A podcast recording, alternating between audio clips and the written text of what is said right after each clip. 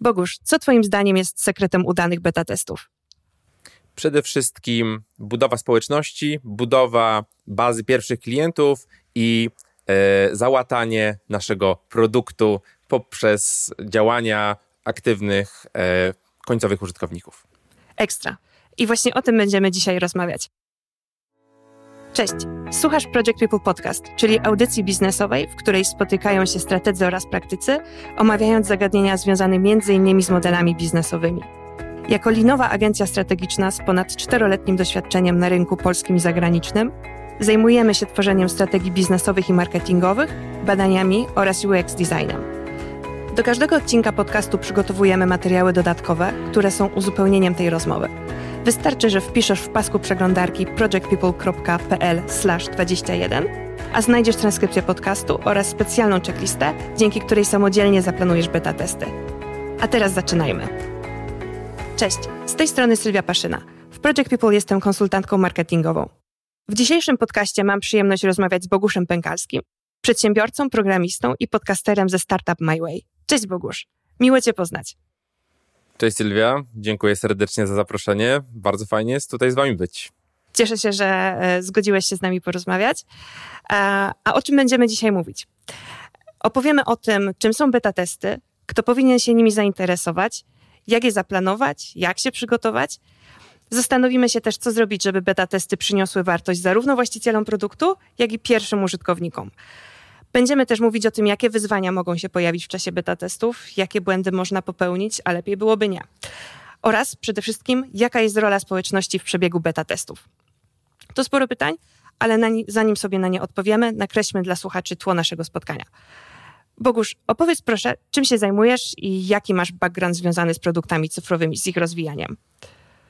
Cześć. Y, no tak jak, tak jak wspomniałaś, ja nazywam się Bogusz Pękalski. W zasadzie jestem byłem od młodych lat zainteresowany budowaniem swoich produktów. Zainteresowałem się programowaniem już w okolicach lat 10. No i potem tak to szło, tak to szło. Naturalną ścieżką rozwoju była, e, były studia programistyczne, informatyczne, a potem e, praca jako, jako etatowy programista, mm, ale zawsze gdzieś tam po, poza etatem budowałem swoje, swoje produkty. No i w pewnym momencie przyszedł taki czas, że udało mi się odejść z etatu, właśnie budując swoją, swoją pierwszą aplikację SaaS Polisa w chmurze, czy taki system do e, obsługi agentów ubezpieczeniowych i agencji ubezpieczeniowych, e, który postawiliśmy w chmurze.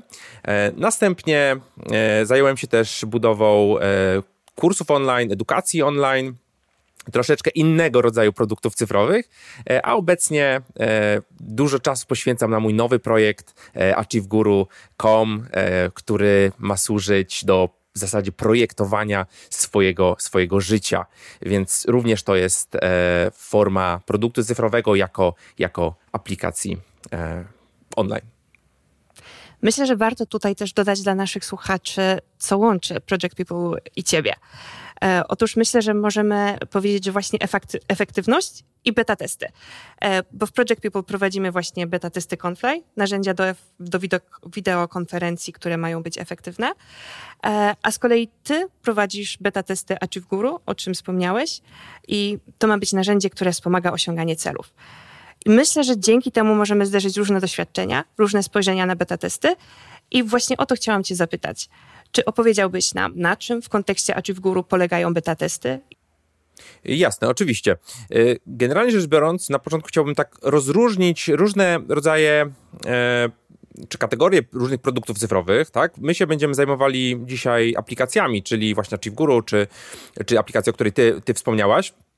E, natomiast e, może, może zacznijmy tak od, od tyłu, gdzie w ogóle nie ma sensu robić jakiegoś rodzaju beta testów, tak? tą jakby moją drugą gałęzią, e, obszarem działania jest budowa właśnie na przykład kursów online.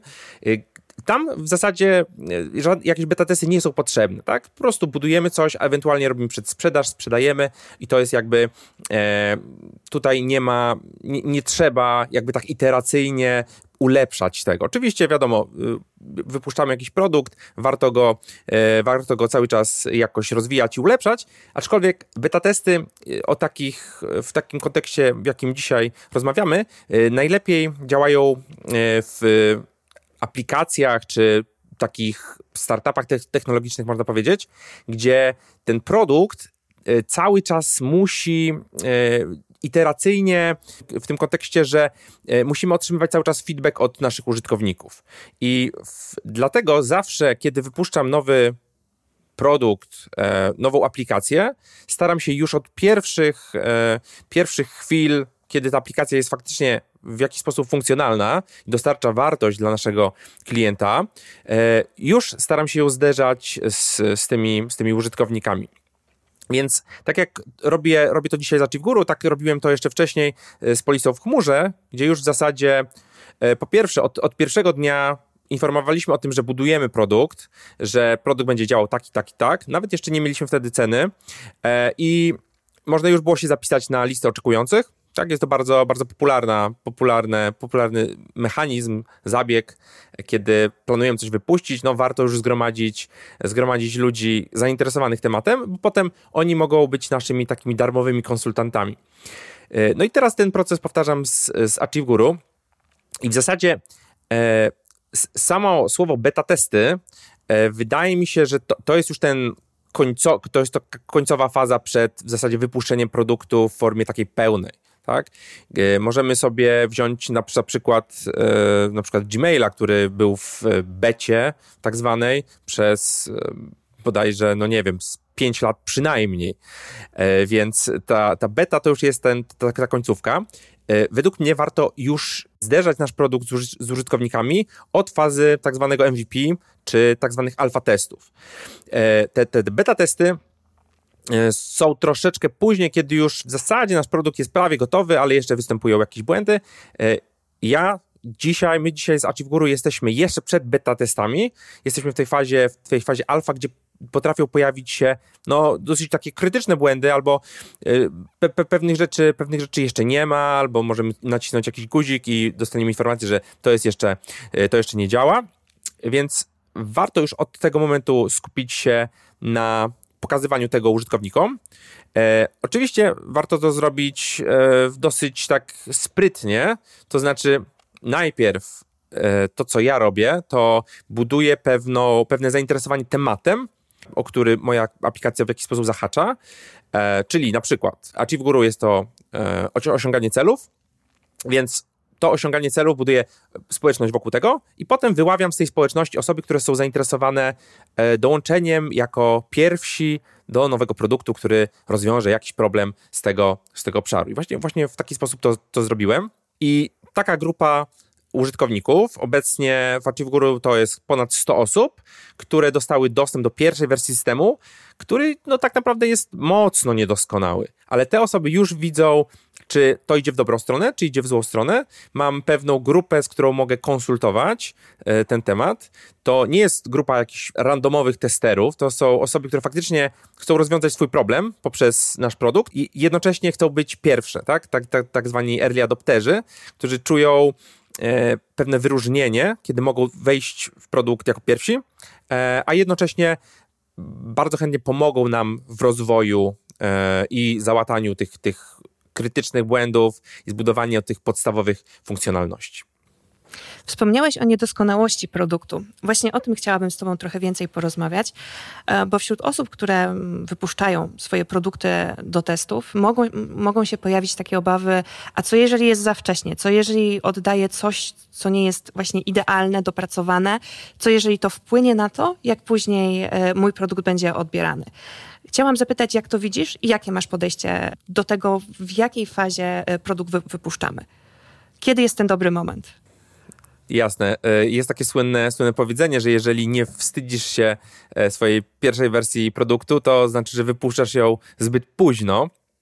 Ja jestem podobnego zdania. Przy czym od razu zaznaczmy, że nie warto wypuszczać czegoś, co jest totalnie niedziałające, tak? No bo to, to, to, to nie ma żadnego sensu. To, co to, co ja dzisiaj widzę, co warto robić na początku, to wypuszczać tak zwane e, minimum e, lovable product, czyli nie ten podstawowy, tak jak się mówi MVP, minimum e, viable product, tylko minimum lovable, lovable product, czyli produkt, minimalny produkt, ale który wywoła jakąś radość tego naszego użytkownika od pierwszych, od pierwszych chwil, czy ten użytkownik będzie w stanie się, się w nim zakochać. Mimo tego, że będą błędy, że część rzeczy nie będzie działała, to Tutaj myślę, że warto postawić na fajny, fajny UI, fajny, fajny UX. To możemy zrobić dzisiaj naprawdę małym kosztem e, i dostarczyć jakąś małą, małą wartość biznesową już od pierwszych chwil naszego produktu. Więc warto warto mieć tą niedoskonałość gdzieś tam w pamięci, że wypuszczamy produkt niedoskonały, ale to nie może być z drugiej strony, tak kolokwialnie mówiąc, paździerz, tak? To faktycznie może wpłynąć negatywnie na nasz produkt, e, ale jeżeli wypuścimy coś, co jest ładne, coś, co dostarcza jakąś minimalną wartość biznesową już dla użytkownika, on może zobaczyć, jak to będzie mniej więcej wyglądało, E, właśnie tak, taką drogą idziemy zacznij w górę, gdzie użytkownicy wchodzą. Faktycznie dużo się jeszcze nie da zrobić, ale użytkownicy mówią, kurczę, ale to jest ładne, to działa szybko, e, jeszcze dodajmy to, dodajmy to, dodajmy to i będzie, będzie naprawdę faj, fajnie. E, na pewno nie warto się bać tego, że, że użytkownicy powiedzą, o nie, to jest w ogóle beznadziejne i nigdy nie wrócą do naszego produktu. Nie, oni powiedzą, ok, dobra, to może być słabe, tak? Ale możemy sobie wyobrazić takie, takie dziurawe wiadro. Więc wypuszczamy nasz, nasz produkt, to jest takie dziurawe wiadro, które ma różne luki, e, nie ma nie ma wielu, wielu funkcji, zdarzają się błędy. No i wpuszczamy, wlewamy wodę do tego naszego dziurawego wiadra. To są ci nasi pierwsi użytkownicy. No i wiadomo, no, bardzo dużo, wiadro ma dziury, więc bardzo dużo tej wody wypływa, tak? Ci użytkownicy wchodzą, nie, nie, nie, i odchodzą, tak? Ale my w tym momencie mamy możliwość zobaczenia tych dziur i dodawania łat. Doda dodajemy jedną łatę, drugą łatę, trzecią łatę i coraz więcej tych użytkowników, którzy wpadają, e, zaczyna, zaczyna z, nami, z nami zostawać. Jeżeli będziemy zbyt długo zwlekać z pokazaniem produktu e, światu, no to nie będziemy mieli tej wody, którą, którą będziemy wlewali. Będziemy robili to na czuja, a potem się okaże, że i tak wrzucimy tych użytkowników i, i tak coś będzie nie, nie, nie w porządku. Poza tym stracimy bardzo dużo, e, bardzo dużo czasu. Więc według mnie im szybciej jesteś w stanie wypuścić produkt, który dostarcza przynajmniej jedną e, małą wartość biznesową dla tego naszego e, końcowego użytkownika, e, tym lepiej i myślę, że od tego w ogóle warto zacząć budowę produktu. Wspomniałeś o tych użytkownikach, którzy będą cierpliwi wobec naszego produktu, wobec jego pierwszych niedoskonałości, jakichś nie, niedociągnięć. Myślę, że sporo tutaj zależy od to, czy będą cierpliwi, od tego, do kogo się skierujemy z tymi pierwszymi komunikatami o produkcie. No i właśnie pytanie, e, jak wybrać tych early adopterów, tych, którzy będą cierpliwi wobec naszego produktu, a jednocześnie e, przyjmą go z entuzjazmem? E, no ja jestem tutaj zdania, że ci early adopterzy powinni, powinni się wybrać sami. to znaczy budujemy tak jak ja, zrobi, ja zrobiłem, podam konkretny przykład, tak? Otworzyłem grupę na Facebooku, e, która była związana z, z osiąganiem celów, z, z osiąganiem celów, produktywnością i nawykami. Zaprosiłem bardzo dużo osób, tak, zbudowałem tam taką bazę kilkuset, kilkuset osób i potem poinformowałem, że budujemy taką i taką aplikację i będzie otwarty dostęp i słuchajcie, będzie można, będzie można się zgłosić e, i żeby to zrobić, napiszcie mi e, w, w komentarzu, że, że chcecie, tak. Te osoby pisały, pisały mi w komentarzu, oni, to, to, to były osoby, które chciały skorzystać z tego same, więc ja tutaj nikogo nie wybierałem, one się jakby wybierały same. I potem do każdej z tych osób pisałem i odsyłałem ich do innej grupy, już takiej zamkniętej dla, dla tych wczesnych, e, wczesnych użytkowników e, Achieve Guru. I ci użytkownicy z chęcią dołączali do tej grupy i z chęcią tam już rozpoczynali dyskusję. Tam też dawałem już bezpośrednio dostępy na zaproszenia do aplikacji, więc oni się też czuli wyróżnieni. I tak naprawdę te, te osoby od samego początku chciały dotknąć tej aplikacji, więc jeżeli e, pytałem o jakiś feedback, to albo one dawały ten feedback jakby od razu, albo musiałem troszeczkę, troszeczkę z nimi porozmawiać, ale, ale też, też dostawałem ich, ich odczucia, to co udało im się osiągnąć, to czego im brakuje, i pierwsze, e, pierwsze wrażenia z aplikacji. Więc tutaj jakby e, nie trzeba te, tych osób wybierać samemu. Te osoby się znajdą, tak? Tylko musimy, musimy, o, tym, musimy o tym powiedzieć. I warto to zrobić spośród ludzi, którzy są zainteresowani danym tematem, czy mają dany, dany problem. Bo jeżeli ja bym przyszedł do grupy sprzedawców B2B i bym powiedział, słuchajcie, ja robię produkt dla weterynarzy, kto chce spróbować, no to, to nie, ma sensu, tak? Nikt się nie zgłosi, a może ktoś się zgłosi, a y, powie, nie, to w ogóle jest, co, co ty nam tu dajesz? Więc warto wziąć problem, czy tą niszę, w której działamy i tam się zapytać, kto by chciał skorzystać jako pierwszy z produktu. I te osoby, to są te nasi, ci nasi early adopterzy, to są nasze cierpliwe osoby. No właśnie, z jednej strony te osoby zgłosiły się same, a z drugiej wyrosły ze społeczności, która była skupiona wokół tych wartości, tych problemów, które oni chcieli, e, chcieli rozwiązać. Czyli myślę, że tutaj takim ważnym krokiem jest stworzenie takiej wspólnej przestrzeni, e, dla osób skupionych wokół, e, wokół tej samej idei. To w takim razie pytanie, w jaki sposób wypracować e, wartość takiego produktu, takiej społeczności, żeby potem przekuć ją w beta testerów? Hmm, no to tutaj już schodzimy do, do budowania, budowania społeczności. E, więc po pierwsze, e, na pewno, na pewno warto w jakiś sposób mieć jakiś kanał dotarcia, dotarcia do, do tych naszych tak zwanych idealnych, idealnych klientów. E, ja na przykład prowadząc swój, swój podcast, czy prowadząc y, mailing, e, udzielając się w społecznościach, gromadzę wokół siebie szereg różnych osób i na ogół to są osoby E, które gdzieś tam wywodzą się z IT. E, często to są programiści, którzy chcą e, budować jakieś własne produkty, przechodzić na, na budowę własnych aplikacji, tak, odchodzić z tego etatu. To są osoby, które bardzo przypominają mnie i są na podobnej ścieżce jak ja. Więc automatycznie ja jestem w stanie dziś budować produkty dla, dla tych osób. Tak? Te osoby są też często powiązane właśnie z produktywnością, e, interesują się, e, jak lepiej e, dochodzić do jakichś swoich celów, jak lepiej to dzielić, jak lepiej, lepiej tym zarządzać, więc naturalnym jest, że ten temat będzie ich interesował. Ciężko powiedzieć, jak to, jak to robić ogólnie, tak, żeby to pasowało do każdej, ka każdej branży. Na pewno warto się skupić na konkretnej niszy. Jeżeli budujemy jakiś pro, y, produkt, no to ten produkt musi rozwiązywać jakiś problem, jakiś istniejący problem. E, i ten problem warto jakby skupić się na początku na konkretnej grupie ludzi, którzy mają ten problem, a potem, potem jakby to, to rozwijać, więc w moim przypadku to jest jakieś osiąga osiąganie celów. No, założyłem, założyłem grupę, pozapraszałem e, znajomych, wystąpiłem w jednym, drugim, trzecim podcaście, w swoim podcaście opowiedziałem o tym, e, napisałem jakiś tekst, no i ludzie zaczęli, zaczęli, się, tam, zaczęli się tam pojawiać. E, I, i tak, tak, tak to się, to, to się zaczęło, zaczęło dziać. No ja też animowałem tą grupę. Na przykład w, w poniedziałki był taki e, cykl postów Achievement Monday, żeby się podzielić najważniejszą rzeczą, którą chcemy zrobić w tym tygodniu. Pytałem ludzi na przykład, czy mają jakieś nawyki. Po prostu pisałem posty na tej grupie, angażując osoby do, do, do, do działania.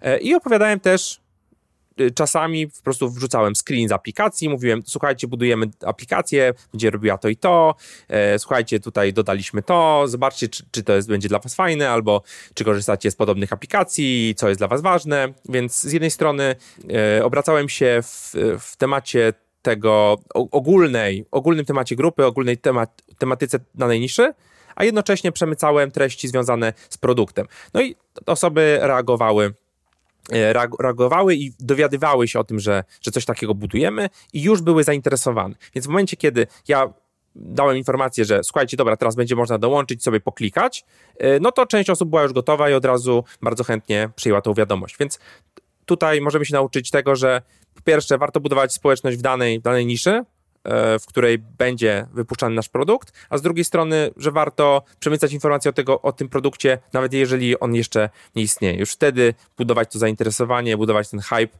bo w momencie, kiedy faktycznie coś, coś już będziemy mieli, to będziemy mieli grupę ludzi, która, która na to czeka. No właśnie, z tej grupy ludzi, którzy na to czekali, wyłoniłeś e, grupę early adopterów, beta testerów. Myślę sobie, że mm, wartość płynąca z produktu to jedno, a dodatkową wartością może być sam udział w beta testach. Pytanie tutaj jeszcze, jak taką wartość y, dla early adopterów wypracować? Jak myślisz, co może ich przekonywać do tego, żeby y, brać udział w tego rodzaju przedsięwzięciu? Tak, no zdecydowanie to, że będą pierwsi na tym, na tym, e, na, na tej naszej nowej platformie. E, jakaś forma e, takiej niedostępności tego produktu, więc u nas, żeby dostać się do tych early adopterów, trzeba najpierw dołączyć do grupy, potem wysłać maila, potem dostać kod zaproszenia i wtedy można faktycznie zacząć, zacząć korzystać z produktu. Więc to też jest taka jesteś, jesteś pierwszy na platformie, ale też na, te, na tę platformę się ciężko dostać, więc e, e, jesteś wiesz, wyjątkowy w, jak, w jakimś sensie. E, te osoby mają też wpływ na produkt bo jeżeli one jako pierwsze korzystają, mamy powiedzmy 50 czy 100 osób e, w naszej aplikacji i, on, i te, te, osoby zgłaszają zapotrzebowanie, zgłaszają błędy, to tak naprawdę one współtworzą ten produkt. Więc później E, warto na pewno im, im dziękować, e, mówić, że oni dużo wnoszą do tej aplikacji i tak dalej. E, więc z jednej strony dla tych naszych wczesnych użytkowników będzie to poczucie, że pomogli budować produkt, a z drugiej strony będzie to produkt lepiej dopasowany pod nich, bo oni od pierwszego, od pierwszego, od pierwszych chwil zgłaszali na przykład, słuchajcie, to będzie dla nas bardzo ważne, żebyśmy, żebyście to zrobili. Więc to na pewno wpływa na jakieś decyzje produktowe. E, więc lepiej dopasowany produkt pod early adopterów, e, jakaś wyjątkowość, dlatego że są pierwsi i e, dostają coś, co jest jeszcze niedostępne dla, dla ogółu. No i też poczucie istnienia w jakiejś społeczności, tak? Ludzie chcą przynależeć do różnych grup. Więc dlatego budowa społeczności jest z jednej strony interesująca i, i, i potrzebna, bo ludzie po prostu lubią przynależeć do, do pewnych nisz tak? Tutaj te, te, te nisze są, są tematem do, dominującym. Jak ktoś planuje wypuścić jakiś produkt, to warto się skupić na, na konkretnej niszy. Więc ta społeczność early adopterów, ona też się jakoś łączy, mają jakiś wspólny cel e, i myślę, że jest dużo takich osób, które, które bardzo chętnie pomogą w rozwoju Twojego produktu e, na tym, na tym wczesnym etapie. Tutaj myślę, że ta waluta społeczna właśnie z jednej strony przy, przynależność, z drugiej strony możliwość pochwalenia się e, tym, że jest się przed innymi. E, myślę, że to jest tutaj bardzo decydujące. Natomiast czy to się sprawdzi przy każdym produkcie? Jak myślisz? Czy są takie produkty, w których ta reguła niedostępności, którą teraz możemy obserwować chociażby przy Clubhouse, e, nie zadziała?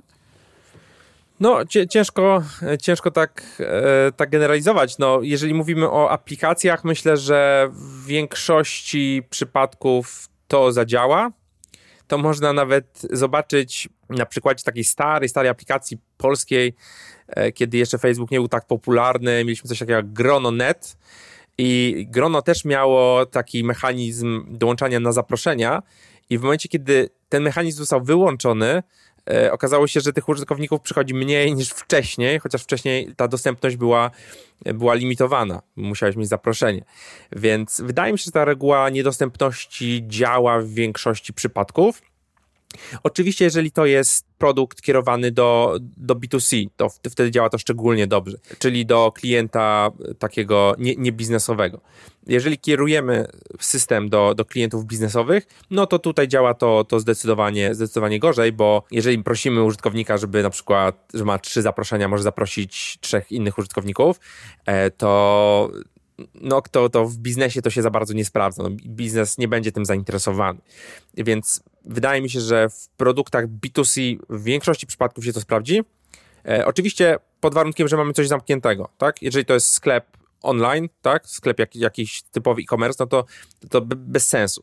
Bez sensu tutaj będzie zamknięty sklep tylko dla, tylko dla wybrańców. To pewnie w, w szczegółowych przypadkach e, się, się sprawdzi, ale tak ogólnie, ogólnie pewnie to nie będzie działało. Ale jeżeli mamy zamkniętą platformę kierowaną do e, klienta takiego nie, niebiznesowego, to myślę, że to, że to zadziała. W biznesie raczej, raczej bym, bym w, to, w to nie szedł. Oczywiście kwestia zamkniętych beta testów to jest, to jest troszeczkę co innego, bo zamknięte beta testy są po to, żeby e, limitować dostęp do platformy, żeby tylko osoby, które bardzo chcą z niej skorzystać, skorzystały, one są wtedy bardziej e, wyrozumiałe w, w kontekście jakichś pojawiających się błędów i tak dalej, i łatwiej też się z nimi skontaktować, żeby uzyskać jakiś feedback.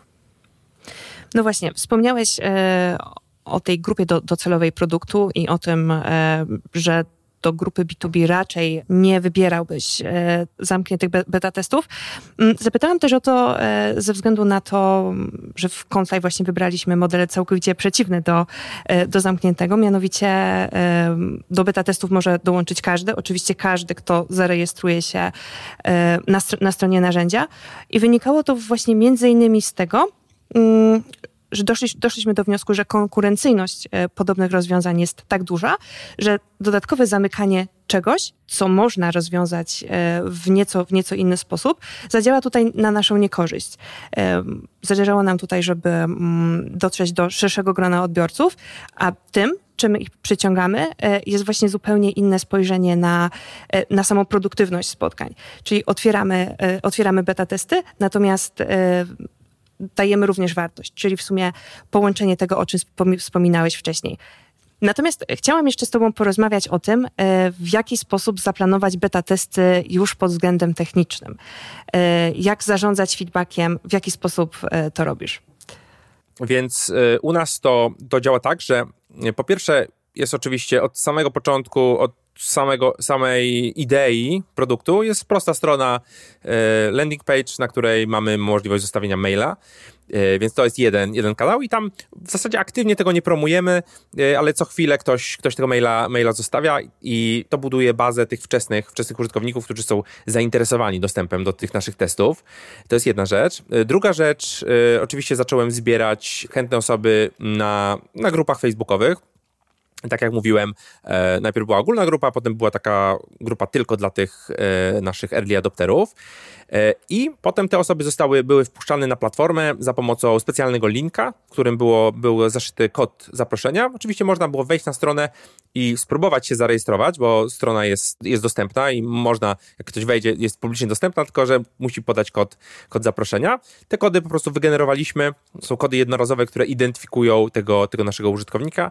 Dodatkowo e, po prostu trzymam tą, tą bazę, bazę użytkowników w jakimś arkuszu e, tych, tych pierwszych, bo tak naprawdę te dostępy przyznaje obecnie ręcznie, tak? Nie jest to zautomatyzowane, e, ale na poziomie 50-100 użytkowników to naprawdę arkusz e, e, googlowski wystarcza, kto dostał jakieś zaproszenie i czy się zarejestrował, czy nie. Kolejną rzeczą jest zbieranie feedbacku, więc tutaj, na, tutaj dobrze działa ta nasza grupa facebookowa dla early adopterów, więc po prostu pytam się, jak nowa wersja i, i tak dalej, więc tutaj osoby już działają. Oczywiście nie każdy będzie siedział na Facebooku albo to te powiadomienia uciekają, więc, e, więc to nie jest idealny sposób, no ale mamy dostęp do adresów mailowych tych, tych osób, bo po prostu zostawiały, zostawiły adres, żeby założyć konto w serwisie, więc możemy wysłać komunikat na te adresy e-mailowe z prośbą o feedback, czy udało się zalogować, jakie funkcje, czego jeszcze brakuje na ten moment z ich, z ich perspektywy. Co ciekawe, y, ostatnio właśnie poruszaliśmy wątek, jak w ogóle stwierdzić, czy idziemy w, dobrą, w dobrym kierunku. Więc zbudowaliśmy ten nasz podstawowy produkt, puściliśmy tych naszych beta testerów i jak stwierdzić, czy w ogóle to ma, to, to ma sens. Więc okazuje się, nie, nie jest to do końca intuicyjne, ale okazuje się, że im więcej użytkownicy będą narzekać, tym lepiej. Jeżeli narzekają, to znaczy, znaczy, że korzystają z produktu, ale pewne rzeczy nie są jeszcze dla nich idealne. Najgorsze, co może się stać, to po prostu e, brak żadnego, żadnego feedbacku. Czyli osoby weszły, wyszły, nie, to w ogóle nie, nie jest dla mnie interesujące, nie będę dawał feedbacku, bo, e, bo, bo to w ogóle nie jest produkt dla mnie, tak? Ja jakbym miał korzystać z aplikacji dla wędkarzy, nie jestem wędkarzem, więc prawdopodobnie w ogóle bym żadnego feedbacku nie zostawił, nawet jeżeli bym tam wszedł raz, się zalogował i wyszedł. Więc jeżeli faktycznie e, użytkownicy są aktywni, ci nasi early adopterzy czy beta testerzy, jakkolwiek ich nazywać, to, to jest na pewno, na pewno dobry znak. E, kolejnym, kolejnym krokiem jest e, forma różnych, nie wiem, ankiet. Możemy prosić te, osoby o na przykład głosowanie na, na kolejną ważną, e, ważną funkcję, która jest dla nich istotna. I tutaj możemy podejść, podejść w różne strony. Możemy też spróbować zapytać o, o ceny, tak? Jakie, jaki cennik te, te ci nasi pierwsi użytkownicy by, by widzieli, czy byliby skłonni za coś zapłacić. Możemy też spojrzeć na pewne funkcje, które są szczególnie często używane przez naszych wczesnych użytkowników w aplikacji i stwierdzić, kurczę, te, te osoby korzystają głównie z tych funkcji. Więc może weźmiemy jedną z tych funkcji i powiemy, dobra, ale ona jest dostępna dla ciebie, ale tylko w planie płatnym. Y, wszystko inne masz za darmo, ale tutaj, żeby mieć te funkcje, to musisz y, nam, nam zapłacić. Wtedy z tych pierwszych użytkowników możemy zbudować tak zwany model wartości, tak zwany value metric, czyli za co użytkownicy będą skłonni płacić w naszej aplikacji. Bo jeżeli użytkownicy z czegoś korzystają e, aktywnie, tak, to warto jakoś tą rzecz ograniczyć. No, jeżeli wybieramy model subskrypcyjny i chcemy na, na, na tym produkcie zarabiać e, z płatności użytkowników. Bo jeżeli idziemy w inny model typu jakieś partnerstwa, reklamy, e, czy, czy, czy z, zupełnie inne rzeczy, no to, no to pewnie nie będzie miało zastosowania, ale jak szukamy e, rzeczy, które są kluczowe dla użytkowników i będą prawdopodobnie skłonni za, za nie zapłacić, to te pierwsze właśnie beta testy e, będą, będą tutaj fajnie, fajnie działać. Myślę, że warto jeszcze dodać, e, w jaki sposób rozwiązaliśmy kwestię mm, kanałów pozyskiwania feedbacków w Confly, bo postawiliśmy tutaj na trzy kanały. Jednym jest, tak jak e, w sumie też u ciebie, grupa na Facebooku. Drugim e, ankieta, którą udostępniamy w mailingu onboardingowym do, do narzędzia. Ale trzecie narzędzie, trzeci kanał pozyskiwania feedbacku, który widzę teraz jako najbardziej efektywny, bo tam najwięcej zbieramy komentarzy, to jest wtyczka bezpośrednio w narzędziu. Korzystamy z User Snapa e, i tam użytkownicy mogą nam zgłosić właśnie, który konkretny element e, w jaki sposób ich zaskoczył albo mają, mają co, co do niego pytania. E, możemy ten formularz zgłaszania feedbacku w zasadzie personalizować w taki sposób, że od razu kategoryzujemy, czy to zgłoszenie będzie sugestią, czy będzie bugiem, E, możemy zbierać komentarze i nawet kontakt do beta testerów. Oczywiście z pytaniem, czy, czy chcą, e, żebyśmy w jakiś sposób się do nich e, po tym ich feedbacku odezwali. I myślę, że to jest taki też kolejny sposób na to, żeby tym feedbackiem, który, który dostajemy, się zaopiekować. Bo to jest super ważne, że mm, beta testerzy, early adopterzy, oni poświęcają naszemu produktowi o wiele więcej uwagi niż zwykli użytkownicy. Więc z tego powodu powinniśmy bardzo mocno docenić to, to co dla nas robią potraktować ten feedback trochę jak, jako taki prezent. No i e, jeżeli nie odpowiedzieć jakąś dodatkową gratyfikacją, to chociażby troską i podziękowaniem właśnie za ten czas, który, który poświęcili e, na zgłaszanie. Natomiast to nas prowadzi do, do jeszcze jednej rzeczy, bo zgłoszeń może być dużo. To jest bar bardzo źle, kiedy, kiedy mamy na temat naszego produktu milczenie, ale kiedy z kolei jesteśmy zasypani tym feedbackiem, to pozostaje decyzja, co wprowadzić na początku, w jaki sposób ten feedback potraktować, które zmiany w produkcie e, będą konieczne wcześniej. No i wspomniałeś trochę o tym, e, że można to rozwiązać na przykład za pomocą ankiety, e, która wskazuje, co jest najważniejsze dla naszych użytkowników, ale tak się zastanawiam, czy masz jeszcze jakieś swoje inne sposoby na to, w jaki sposób kategoryzować wprowadzany i priorytetyzować wprowadzany feedback?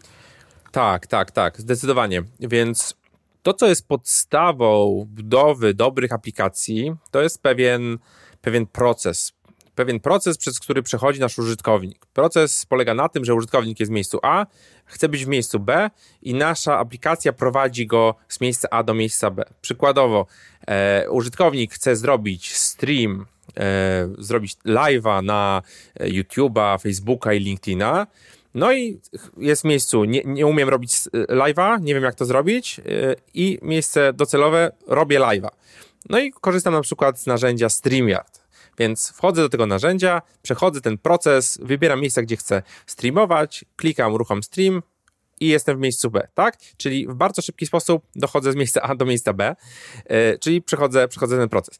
No i w każdej aplikacji warto wyróżnić, jaki my proces przechodzimy i warto, warto go opisać. Użytkownik wchodzi, użytkownik jest w miejscu takim, e, robi to, to, to i jest w miejscu tym docelowym. Więc wszystko, co ulepszamy w aplikacji priorytetowo, tak? Bo oczywiście jest mnóstwo rzeczy, które możemy wprowadzić do aplikacji, e, które nie są tak naprawdę kluczowe w tym, w tym jednym najważniejszym procesie, e, ale wszystko, co powinno być priorytetem, to jest ulepszanie w jakiś sposób tego, tego procesu. Więc im ten proces jest też szybszy, im użytkownik jest w stanie dojść do, y, do, do, do pewnej wartości z naszego produktu y, w mniejszej liczbie kliknięć, tak naprawdę, tym lepiej. Więc to, co powinniśmy wybierać na początku, to po prostu ulepszanie tego naszego korowego, korowego procesu i yy, pominąć wszystkie rzeczy, które są, e, czy odłożyć je na, na później, które są nie, nie z, z perspektywy tego, tego naszego podstawowego flow. Ten problem mieliśmy na przykład w Polisie w chmurze, w tej mojej pierwszej aplikacji dla agentów ubezpieczeniowych, bo e, często nasi użytkownicy mówią, e, nie, słuchajcie, zróbmy tutaj przycisk na środku i on ma być czerwony i on ma robić to i to.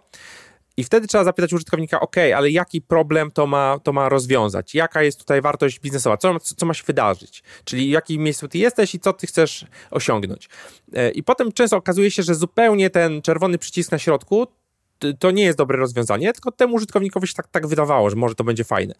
E, albo okazuje się, że w ogóle tego problemu nie ma, tylko coś takiego wpadło mu do głowy rano i tak rzucił, rzucił sugestię. E, więc to, co my, jako twórcy aplikacji, e, w, pe w pewnym sensie innowatorzy, którzy chcą zrobić coś lepiej, rozwiązać problem lepiej, to, co jest naszym, naszym zadaniem, to znalezienie tego problemu użytkownika i zaprojektowanie takiego procesu, który rozwiąże ten problem, który będzie e, szybki, prosty i skuteczny, tak naprawdę.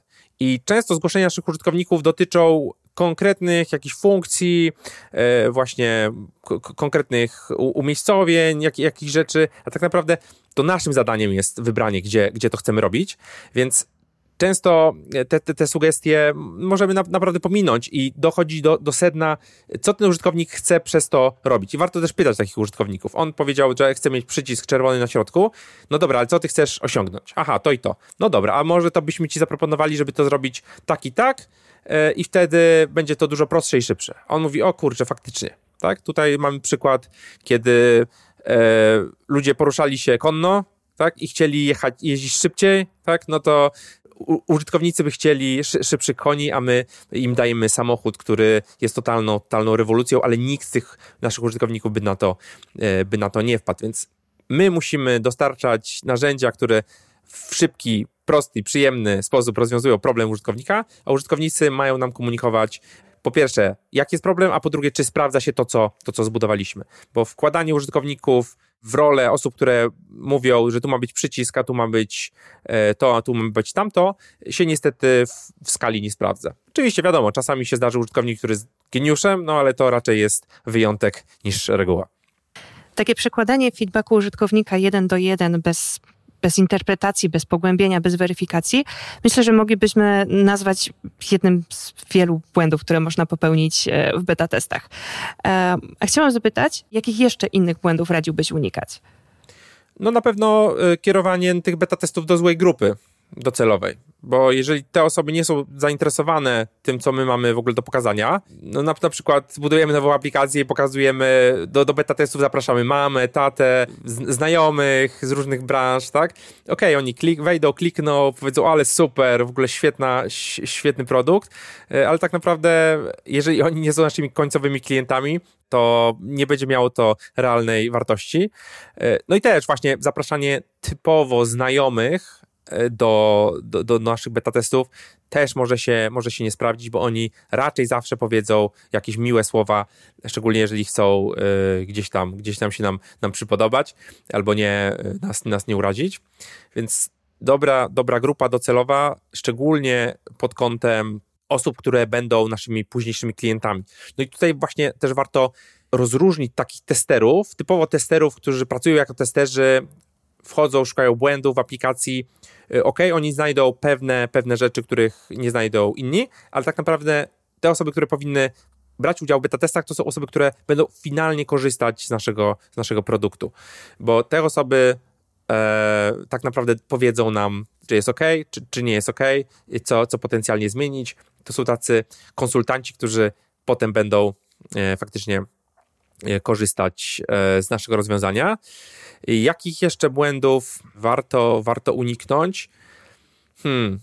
Myślę, że jest jeszcze szereg e, rzeczy związanych z konkretnymi branżami, no ale to tutaj byśmy musieli jakoś, jakoś generalizować, więc myślę, że to e, myślę, że to wyjdzie, wyjdzie w praniu i warto tak naprawdę pominąć te rzeczy, w których się możemy pomylić. Jeżeli mamy dobrze dobraną grupę docelową, E, I jeżeli nawet to jest pięć pierwszych osób, to warto utrzymywać z nimi kontakt, nawet z nimi po prostu rozmawiać, albo łączyć się e, z tymi osobami, żeby pokazy pokazywać po pierwsze, jak działać na tej aplikacji, po drugie, jak oni działają na tej aplikacji i myślę, że zwykła rozmowa tutaj bardzo dużo, bardzo dużo wniesie e, już do tych naszych testów, więc nie warto się tego bać, nie warto szukać na siłę, e, co możemy zrobić źle, tylko trzeba działać. To, co mogłabym od siebie dodać jeszcze do listy błędów w czasie beta testów, to taka emocjonalna, e, bardzo personalna reakcja na feedback rozwojowy, czy też, no, powiedzmy wprost, negatywny na, wskaz na wskazanie e, jakichś błędów jeżeli zanadto, e, znaczy w ogóle, jeżeli mm, damy użytkownikom do zrozumienia, że, że w jakiś sposób e, emocjonalnie odbieramy feedback, który, mm, który nam złożyli, e, możemy doprowadzić po pierwsze do tego, że będą bali się zgłaszać nam prawdziwe usterki, po drugie, że stracimy już na tym etapie. Dlatego zastanawiam się też, czy jest tu istotne też, kto takie beta testy przeprowadza, tak? I chciałam cię zapytać, jak ty sam, jako twórca produktu, e, czujesz się, odbierając e, feedback rozwojowy na, na temat Achieve Guru? Yy, tak, tak, masz rację. To, to, jest, to jest też bardzo, bardzo istotne, bo często jako, jako twórcy mamy jakąś wizję w głowie i potem okazuje się, że ta wizja nie do końca jest zgodna z rzeczywistością, że, że to, co my wymyśliliśmy, nie, nie daje użytkownikom tej, tej wartości. No tutaj też jest taki dylemat innowatora, bo czasami rzeczy, które są na początku e, odrzucane, e, potem okazują się przełomem w technologii. Tak na przykład było w, w kontekście Snapchata, gdzie, e, gdzie twórca wymyślił zdjęcia, które znikają po 10 sekundach w tej, w tej pierwotnej wersji i ludzie się po prostu pukali w głowę, łącznie z bardzo doświadczonymi przedsiębiorcami, inwestorami na tym wczesnym etapie, no a potem okazało się, że setki tysięcy nastolatków korzysta z tej funkcji. No nie mówiąc już o e, wprowadzeniu stories, które zostało zaadoptowane w zasadzie w większości serwisów społecznościowych obecnie. Więc tutaj mamy taki, mamy taki dylemat, czy, czy faktycznie to, co mówią ci pierwsi użytkownicy, e, czy to jest, czy oni mają rację, ale kto po, powinien przeprowadzać e, te, te, te beta testy, żeby, żeby nie było tego czynnika emocjonalnego? No ja myślę, że ten czynnik emocjonalny zawsze jakiś będzie. Na pewno warto słuchać użytkowników i jakoś ich specjalnie nie krytykować. E, przy czym często informacje od użytkowników, jakieś krytyczne, pochodzą z niezrozumienia pewnych, pewnego, pewnych procesów w naszym produkcie. To często oznacza, że nasz to doświadczenie użytkownika, ten, ten tak zwany user experience, UX, jest zbyt, zbyt skomplikowany. Więc to jest na pewno feedback e, dla nas, że e, OK, mamy taką funkcję, użytkownik mówi, słuchajcie, nie macie tego, nie macie tego, to działa beznadziejnie, a ty mówisz, no ale zobacz, jak klikniesz tutaj 74 razy w to, w to menu, no to, to, to osiągniesz. Więc nie warto na pewno się złościć. Każdy taki użytkownik ma swoje jakieś, jakieś doświadczenia, każdy patrzy inaczej trochę na ten produkt, każdy czego innego oczekuje. E, na pewno trzeba mieć jakąś swoją wizję, co my chcemy, co my chcemy osiągnąć tym produktem i okaże się, że w tych beta testach, że część użytkowników, dla, dla części użytkowników to nie będzie ok, ten produkt. Tak? Warto odkładać gdzieś na półkę te z jednej strony najbardziej pochwalne opinie, a z drugiej strony te najbardziej krytyczne i skupić się na tym, na tym środku, bo ten środek to będzie, będzie definiował nasz, nasz produkt. Bo z jednej strony, jak ktoś bardzo krytykuje nasz produkt, no może, może się okazać, że on wszedł, żeby nas gdzieś tam pognębić, bo mu się nie podoba, że my coś budujemy. Niestety jest sporo, sporo takich osób, rzadko uczestniczą w takich beta testach, no ale może się coś takiego zdarzyć, więc tutaj mogą się rodzić te emocje. E, a z drugiej strony ktoś może po prostu uwielbiać wszystko, co, co, co budujemy, być naszym takim super fanem i zawsze mówić, że to jest super i to też nie jest do końca miarodajne. Myślę, że twórca aplikacji powinien być za, zaangażowany w takie beta testy, e, ba, powinien przeprowadzać co jakiś czas e, właśnie ja planuję, planuję to niedługo zrobić, przeprowadzać takie rozmowy jeden, jeden do jednego e, z użytkownikami albo jeden do wielu, tak? Na przykład zaprosić pięć, pięć osób na wspólnego kola i rozpocząć dyskusję, te, te, osoby też zaczną, zaczną dyskutować. Myślę, że twórca, twórca musi być gdzieś tam za, zaangażowany w, ten, w, te, w te początkowe E, początkowe testy. E, oczywiście, jeżeli to są testy na setki tysięcy osób, gdzie jesteśmy wspierani no, wielomilionowym kapita kapitałem, to będzie wyglądało trochę inaczej. No ale zakładam, że mówimy tutaj raczej o e, małych zespołach, czy nawet pojedynczych twórcach, którym ciężko jest to wydelegować. Ok, możesz e, na, na początku e, wziąć kogoś z zespołu e, i powiedzieć, ty, ty, ty się tym zajmij. No tylko, że wydaje mi się, że e, i, i, I, to może, może być bardziej skalowalne, bo wtedy możemy dołożyć e, kolejną osobę, kolejną i, i, i, dalej przeprowadzać te testy, ale na początku to, co jest przewagą tych małych zespołów czy pojedynczych twórców, jest fakt, że oni mogą robić te nieskalowalne rzeczy. Czyli ja mogę e, pogadać z jakimś użytkownikiem z godziny albo nawet dwie godziny i duża firma tego nie zrobi. Tak? Duża firma, która robi bardzo podobny soft, nie, nie pogada z, tak, z takim pojedynczym użytkownikiem e, nie zbierze tego, tego wartościowego feedbacku od faktycznie klienta, klienta aplikacji, bo oni muszą robić rzeczy, które się skalują. Więc to też może być, może być taka przewaga i dlatego myślę, że jednak ten twórca przynajmniej w średnim stopniu powinien być zaangażowany w te, w te wczesne, wczesne testy. Czyli uczestniczyć, ale jednocześnie być zdystansowanym emocjonalnie od tego, co może usłyszeć. Tak, i ja, ja jeszcze, jeszcze dodam jedną rzecz, że uważam na chwilę obecną, że nie trzeba się strasznie fokusować na tym konkretnym produkcie, który sobie wymyślimy.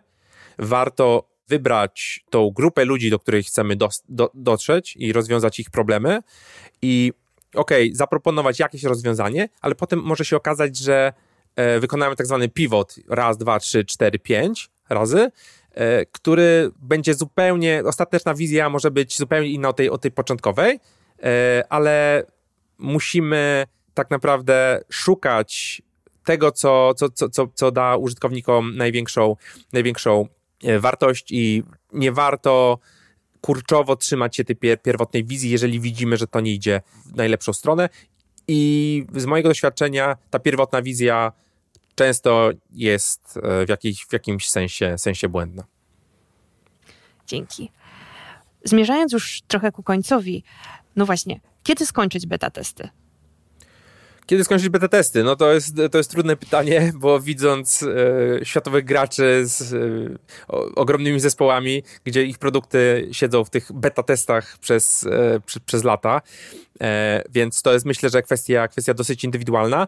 Na pewno zależy też od modelu biznesowego, tak? E, u nas na przykład w Polisie w Murze były, były takie fazy, tak? Na początku mieliśmy tylko, tylko zaproszenie, zaproszenie do tego, żeby w ogóle poinformujemy cię o tym, że coś robimy. E, później weszliśmy w fazę takich zamkniętych, zamkniętej bety, czyli mieliśmy już e, część produktu, była ta wartość dla użytkowników, przy czym nie mieliśmy różnych takich dodatkowych funkcji aplikacji, nawet e, konta były tworzone ręcznie, tak? Czyli użytkownik jak już miał konto i się, i się mógł się zalogować, tak, to, to, to miał pewne funkcje, które po pomagały mu w jego biznesie, ale e, konta były tworzone ręcznie przeze mnie czy przez kogoś, kogoś z, naszego, z naszego zespołu. E, no i to była faza tej zamkniętej bety. No i później dokładaliśmy te wszystkie klocki, że ktoś może wejść, automatycznie sobie kupić abonament, e, może założyć konto, może zrobić milion różnych rzeczy. I wtedy, dopiero wtedy uruchomiliśmy tą, tą publiczną, publiczną betę, czyli można było się zarejestrować, można było już, już, już wykupić plan, ale dla tych pierwszych użytkowników mieliśmy na przykład 3 miesiące za darmo. E, no i po tych trzech miesiącach czy, czy sześciu miesiącach, e, kiedy udało nam się załatwić większość błędów, większość funkcji tych podstawowych była, była dostarczona, cała ta otoczka aplikacji typu właśnie zarządzanie subskrypcją, e, wszystkie kwestie administracyjne, to wszystko było gotowe, to wtedy wyszliśmy z tej bety i już produkt był e, w formie takiej produkcyjnej, końcowej i oczywiście potem pojawiły się nowe funkcje, nowe wersje aplikacji. Ale myślę, że w momencie, kiedy mamy tą korową funkcjonalność, czyli ten nasz proces który, który przechodzi użytkownik od, od punktu A do punktu B, jest gotowy, plus mamy tę te, te, tą całą otoczkę, że e, użytkownicy wchodzą, mogą się zarejestrować, nie ma krytycznych błędów, tak? Kilkadziesiąt czy kilkaset osób przetestowało aplikację e, już tak, już tak produkcyjnie, widzimy, że wszystko, wszystko działa, no to myślę, że wtedy można już wychodzić z tej bety i, i działać na, na szerszą skalę. No ale oczywiście ciągle poprawiać produkt, ciągle, e, ciągle e, działać i wtedy możemy wejść na przykład w kolejną betę w formie słuchajcie, będzie aplikacja wersji 2.0 i tutaj macie funkcje, które udostępniamy w formie beta. One nie do końca jeszcze, jeszcze działają idealnie, ale możecie je już przetestować. To też jest częste, częsty zabieg nawet dojrzałych aplikacji, że jest w menu opcja włączenia funkcji w wersji, wersji beta. Czyli tu przechodzimy od bety całego produktu do bety konkretnych, konkretnych funkcji. Bo tak naprawdę usprawnianie produktu nigdy się nie, nie kończy. Powoli my musimy e, kończyć nasz podcast. E, myślę, że gdybyśmy mieli zebrać jako podsumowanie takie najważniejsze wskazówki e, dla naszych słucha słuchaczy, którzy rozważają przeprowadzenie własnych beta testów, myślę, że takim taką pierwszą wskazówką, takim korem tego wszystkiego byłoby budowanie społeczności właśnie dobranie odpowiedniego modelu beta testów do grupy docelowej, no i też taki rozsądek, dystans przy filtrowaniu feedbacku i priorytetyzacji e, tego, co, co wprowadzimy. A jak to wygląda z Twojej perspektywy? E, no, zgadzam się zdecydowanie z tym, co, z tym, co powiedziałaś. E, jeżeli chodzi o tą społeczność, pamiętajmy, że w momencie, kiedy budujemy społeczność wokół produktu, wokół jakiegoś tematu, to nie musimy się ograniczać do tego, że, że tylko te osoby będą e, korzystały z, naszego, z, naszej, z naszej aplikacji, którą budujemy. One mogą być chętne do zakupu na przykład kursów w tym samym temacie, lub do zakupu książki w tym temacie, lub do wszystkich rzeczy gdzieś tam w tym, e, w, ty, w tym obszarze, więc to warto warto też wykorzystać e, tą, tą przewagę budowania społeczności, więc to wydaje mi się jest, jest, rzeczą, jest rzeczą kluczową. Zgadzam się, jeżeli chodzi o filtrowanie tego, tego feedbacku, żeby te emocje nie, nie brały góry tak, nad, nad rozsądkiem i trzeba pamiętać, że ta nasza wizja może się zmienić i że ten finalny produkt będzie trochę inny niż, niż to, co sobie wymyśliliśmy. E, no i przede wszystkim myślę, że warto, warto od samego początku mówić o tym naszym produkcie, zapraszać ludzi, nawet jeżeli część osób się odbije od, od, tego, od tej naszej aplikacji, to i tak to przyniesie więcej korzyści e, dla wszystkich, niż jeżeli będziemy sobie to gdzieś tam budowali w piwnicy i potem z gotowym produktem przyjdziemy. Może się okazać, że jest po prostu za późno, bo wiem, że to się zmienia tak szybko, e, że wa warto już na samym początku e, wychodzić e, do tych naszych pierwszych, pierwszych użytkowników i na pewno się zdziwicie, jak pozytywny, e, pozytywny wpływ będzie to miało na e, wasz produkt. E, no i też na, na, na, was, na was samych, bo te osoby będą po prostu korzystały z czegoś, co, co budujecie, to, to da wam też kolejne pokłady motywacji do tego, żeby, żeby coś ulepszać, bo jeżeli ktoś korzysta, chce korzystać, ale ma jakiś problem z tym i z tym i z tym, to my mamy dużo większą motywację do naprawienia tego szybko, niż w momencie, kiedy nikt, nikt z tego nie korzysta i może to zrobimy dziś, może jutro, to nie ma znaczenia. Tak, jeżeli ktoś na to czeka i jeszcze jest chętny za to, za to zapłacić, to motywacja idzie maksymalnie w górę i po prostu wtedy siadamy, robimy i dzięki temu szybciej dowozimy produkt, ten produkt jest lepszy, wszyscy są zadowoleni e, i świat, popychamy świat odrobinę, odrobinę do przodu. To nie pozostaje nam nic innego, jak zaprosić naszych słuchaczy do przeżycia beta testów w praktyce i do dołączenia do testów Confly i właśnie Achieve Guru. Oczywiście wszystkie linki podamy na stronie z dodatkowymi materiałami do naszego odcinka. A ja Tobie, Bogusz, bardzo dziękuję za rozmowę i za ogrom praktycznych wskazówek, e, które przekazałeś, za cały poświęcony czas. Dziękuję serdecznie. Bardzo miło było e, z tobą, z tobą porozmawiać i myślę, że z tego odcinka nasi słuchacze wyciągną, mam nadzieję, sporą dawkę wiedzy i wdrożą ją w praktyce, bo tak naprawdę to jest, to jest najważniejsze. Bierzcie tą wiedzę i, i wdrażajcie ją u siebie. Trzymamy mocno kciuki za praktykę. A słuchaczom dziękuję za pozostanie z nami do końca odcinka. Raz jeszcze zapraszam Was do zajrzenia na stronę projectpeople.pl/21 i pobrania materiałów z tego odcinka. Znajdziecie tam nie tylko transkrypcję, ale także checklistę z praktycznymi wskazówkami, dzięki którym sami przeprowadzicie własne beta testy, sami je zaplanujecie. E, śledźcie też kanały Project People, gdzie niebawem opublikujemy artykuł na temat beta testów z komentarzami Bogusza. Artykuł pierwotnie ukaże się w nowym marketingu. A jeżeli słuchacie nas w momencie, kiedy ten artykuł jest już opublikowany, to znajdziecie link w materiałach z odcinka. To już wszystko na dzisiaj. Dzięki jeszcze raz za spotkanie i do usłyszenia. Dzięki, do usłyszenia. Cześć.